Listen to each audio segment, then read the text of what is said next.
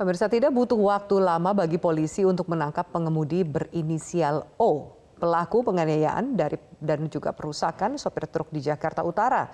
Kepada polisi pelaku berdalih tersulut emosi saat melakukan aksinya. Nyali pria berinisial O ini seketika ciut saat polisi menggiringnya ke kantor Polres Metro Jakarta Utara. O adalah pelaku penganiayaan dan perusakan sopir truk di Jakarta Utara yang videonya viral dalam beberapa hari terakhir bak koboi jalanan. Menganiaya sopir dan merusak truk kontainer pada Sabtu lalu. Sebelum ditangkap, O ternyata sempat melarikan diri ke daerah Jawa Timur. Pelaku kemudian ditangkap pagi tadi di Bandara Soekarno-Hatta usai sebelumnya berangkat dari Surabaya menggunakan pesawat terbang. Kita amankan tadi jam 8 di Bandara Soekarno-Hatta dengan tim sudah yang bersangkutan sempat kabur ke wilayah Jawa Timur dan timur ke Jawa Timur kabur lagi ke arah ke naik pesawat. Kita cek manifestnya arah Jakarta dan tim yang kedua menangkap di Jakarta. Ini yang yang bersangkutan ini yang digunakan. Kita telah mengamankan stick yang digunakan untuk memecahkan kaca. Kemudian telah mengamankan kendaraan yang digunakan. Tak lama ditangkap, O pun ditampilkan ke publik dengan mengenakan baju tahanan. Polisi memastikan penganiaya sopir truk kontainer bukanlah anggota TNI atau Polri seperti yang ramai diduga masyarakat. O merupakan warga sipil yang berprofesi sebagai pelaut. Pekerjaannya adalah outsourcing dulu mantan pelaut ya. ya. Mantan pelaut, bukan angkatan laut yang disebutkan rame-rame lagi di media sosial. Kami masih mendalami karena baru kita amankan tadi pagi. Sementara ini pengakuannya dia emosi karena diklakson oleh mobil trailer tersebut. Sehingga timbul emosinya bahkan dua kali sudah sempat dilerai Kasus kekerasan di jalan raya yang biasanya dimulai dari perselisihan antar pengguna jalan belakangan memang kian marak. Pada pekan lalu, kasus serupa sebetulnya juga terjadi di Jakarta Utara. Saat itu, rombongan pengiring jenazah mengeroyok supir truk kontainer karena dianggap menghalangi perjalanan rombongan. Setelah diusut, jajaran kepolisian menangkap lima pelaku dan menetapkan mereka sebagai tersangka. Pemirsa pasca robohnya kondominium di Florida, Amerika Serikat, petugas gabungan terus mencari korban hilang yang jumlahnya mencapai 150 orang. Untuk membantu pencarian korban, petugas mengerahkan seekor anjing pelacak yang mampu menerobos ke dalam reruntuhan ini. Akibat runtuhnya gedung yang berusia 40 tahun ini, 9 orang terkonfirmasi meninggal dunia dan lebih dari 150 orang dinyatakan hilang.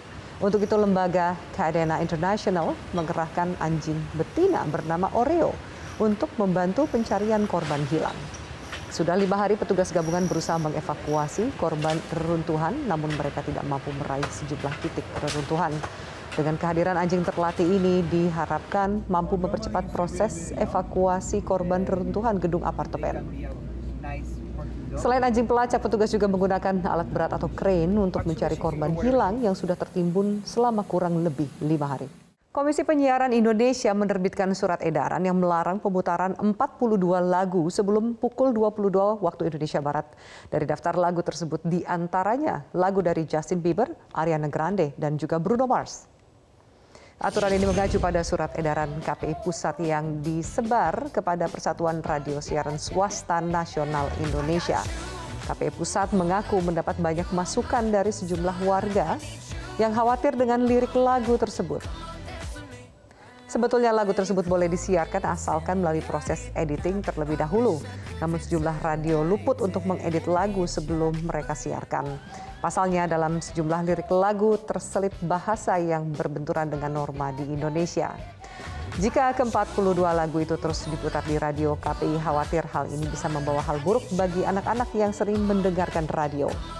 Di satu sisi, menurut KPI, 42 lagu tersebut sama sekali tidak bisa dilakukan editing, sehingga waktu pemutaran lagu yang akan dibatasi.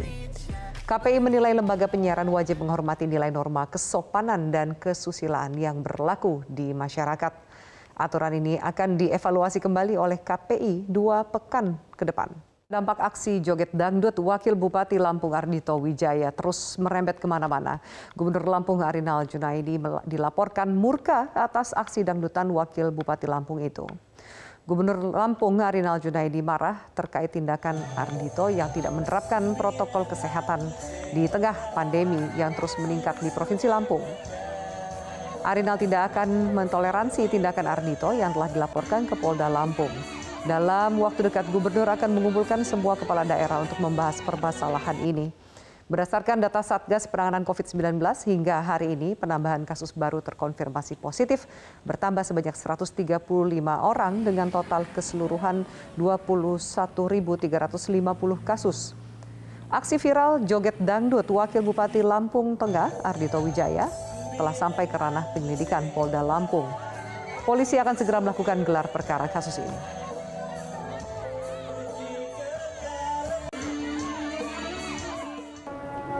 Itu wakil bupati itu kan seorang dokter. Ya. Sebagai pejabat publik, saya menyesalkan atas tindakan itu. Sampaikan di situ. Kita sedang punya persoalan yang begitu ini. Kenapa harus mengajar masyarakat yang seperti itu? Nah, oleh karena itu, mungkin dalam waktu minggu-minggu depan saya akan undang para bupati agar ini tidak terjadi. Hasil musyawarah Kamar Dagang dan Industri menyepakati Arsyad Rashid sebagai ketum atau ketua umum Kadin dan Anindya Bakri sebagai ketua Dewan Pertimbangan Kadin Indonesia. Hasil ini akan dibawa dan ditetapkan dalam Munas 30 Juni mendatang. Pernyataan itu disampaikan oleh Ketua Umum Kadin Rosan Ruslani usai bertemu dengan Presiden Jokowi di Istana Negara pada Senin siang. Rosan menyebut kesepakatan itu tercapai berdasarkan musyawarah untuk mufakat Hasilnya, kedua calon ketua umum tersebut setuju menjabat sebagai ketua di posisi yang berbeda.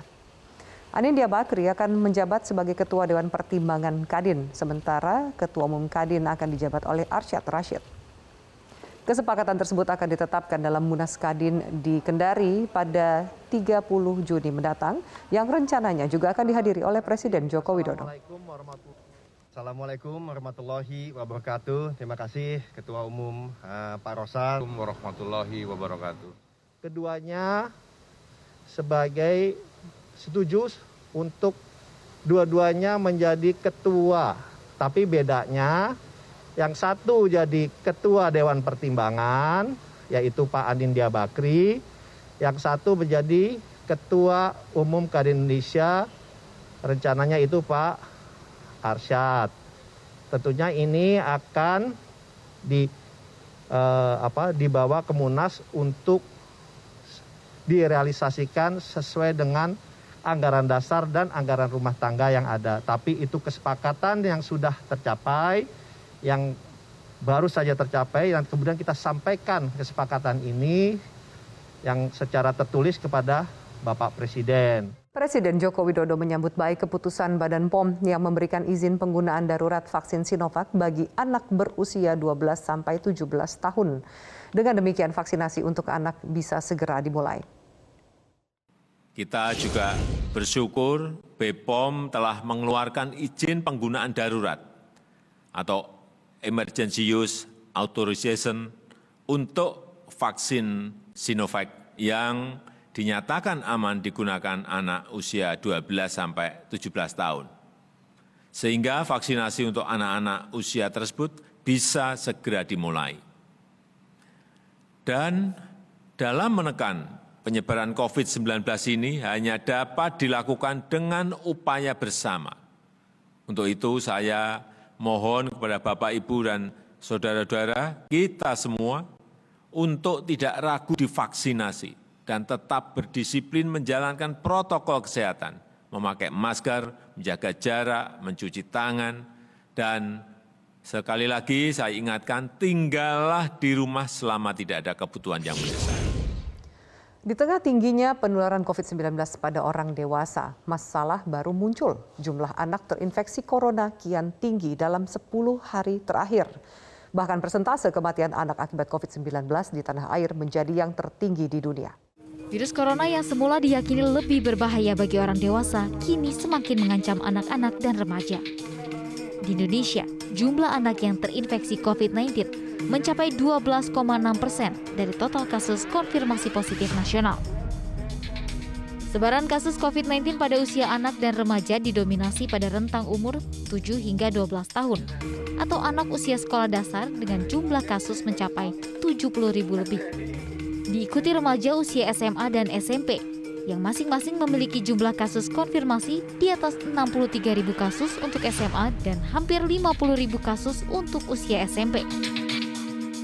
Sementara itu, temuan baru lembaga molekuler Eijkman yang dirilis di akun Instagram mereka memang cukup melegakan. Dikatakan 67,3 persen anak yang terinfeksi corona tidak memiliki gejala. Kalaupun ada, gejalanya ringan. Setidaknya ada tiga gejala COVID-19 pada anak yang paling banyak dilaporkan. Di antaranya, batuk, kelelahan, dan demam. Meski bergejala ringan atau tanpa gejala sama sekali, Eijkman menyebut anak-anak lebih beresiko tinggi membawa transmisi virus kepada penduduk lainnya. Ditambah sejumlah lembaga pemantau COVID-19 juga mencatat risiko jangkitan pada anak cukup mengkhawatirkan. Satu dari delapan orang terkonfirmasi positif COVID-19 merupakan anak-anak, sedangkan tingkat kematian pasien di bawah 18 tahun mencapai 3-5 persen dan tercatat sebagai yang tertinggi di dunia yang rata-rata hanya satu persen. Meningkatnya jumlah kasus kematian COVID-19 menyebabkan lahan baru di TPU Rorotan, Jakarta dibuka kembali. Sejak Maret 2020, TPU ini sudah memakamkan lebih dari seribu jenazah dengan protokol COVID-19. Bagaimana kemudian ketersediaan tempat pemakaman di sana kami akan tanyakan langsung dengan rekan kami Ruth Dio dari lokasi. Ruth, berdasarkan pantauan Anda, apakah hari ini terjadi lagi antrean dalam pemakaman jenazah yang menggunakan protokol COVID-19? Selamat malam Wahyu dan juga pemirsa memang betul bahwa sejak Maret 2020 sampai dengan bulan Juni 2021 setidaknya ada lebih dari seribu jenazah yang dimakamkan di TPU Rorotan yang berlokasi di Cilincing, Jakarta Utara. Selain itu juga bisa Anda lihat di layar kaca saat ini bahwa ini adalah lahan yang baru dibuka sejak dua hari lalu untuk uh, menambah uh, kapasitas daripada jenazah yang meninggal akibat COVID-19. Saat ini memang pihak daripada penggali kubur TPU Rorotan Cilincing Jakarta Utara ini memang uh, terus bersiaga di lokasi karena memang ambulans masih datang dan pergi. Namun sejak kami memantau sejak siang tadi hingga malam ini kami tidak melihat adanya antrian ambulans untuk masuk ke dalam lahan uh, karena memang tidak uh, terjadi antrian ambulans seperti yang terjadi pada beberapa hari lalu ketika ambulans akan memakamkan jenazah ini memang sebelum masuk ke uh, tempat uh, yang bisa dilihat saat ini para ambulans ini memang berjejer ataupun terparkir di lahan parkir mobil yang sudah disediakan oleh pihak TPU Rorotan. Selain itu juga selain daripada uh, personil ataupun penggali kubur juga dibantu oleh kami melihat ada sebanyak kurang lebih 10 ekskavator dan tadi juga ada tambahan satu ekskavator lagi untuk membantu proses penggalian uh, lahan kubur bagi jenazah COVID-19. Dalam waktu sehari ataupun hari ini saja sudah sekitar antara 60 sampai dengan 70 jenazah COVID-19 yang uh, bisa dimakamkan oleh uh, TPU Rorotan Cilincing Jakarta Utara. Namun tadi kami juga mendapatkan pernyataan dari pihak admin dari TPU Rorotan bahwa memang makam ini ataupun TPU ini tidak dibuka selama 24 jam. Uh, untuk itu memang uh, pihak daripada penggali kubur ini adalah uh, belum ada tambahan jumlah personil karena mereka-mereka yang membantu proses pemakaman daripada jenazah COVID ini merupakan cabutan daripada TPU-TPU yang berada di seluruh DKI Jakarta.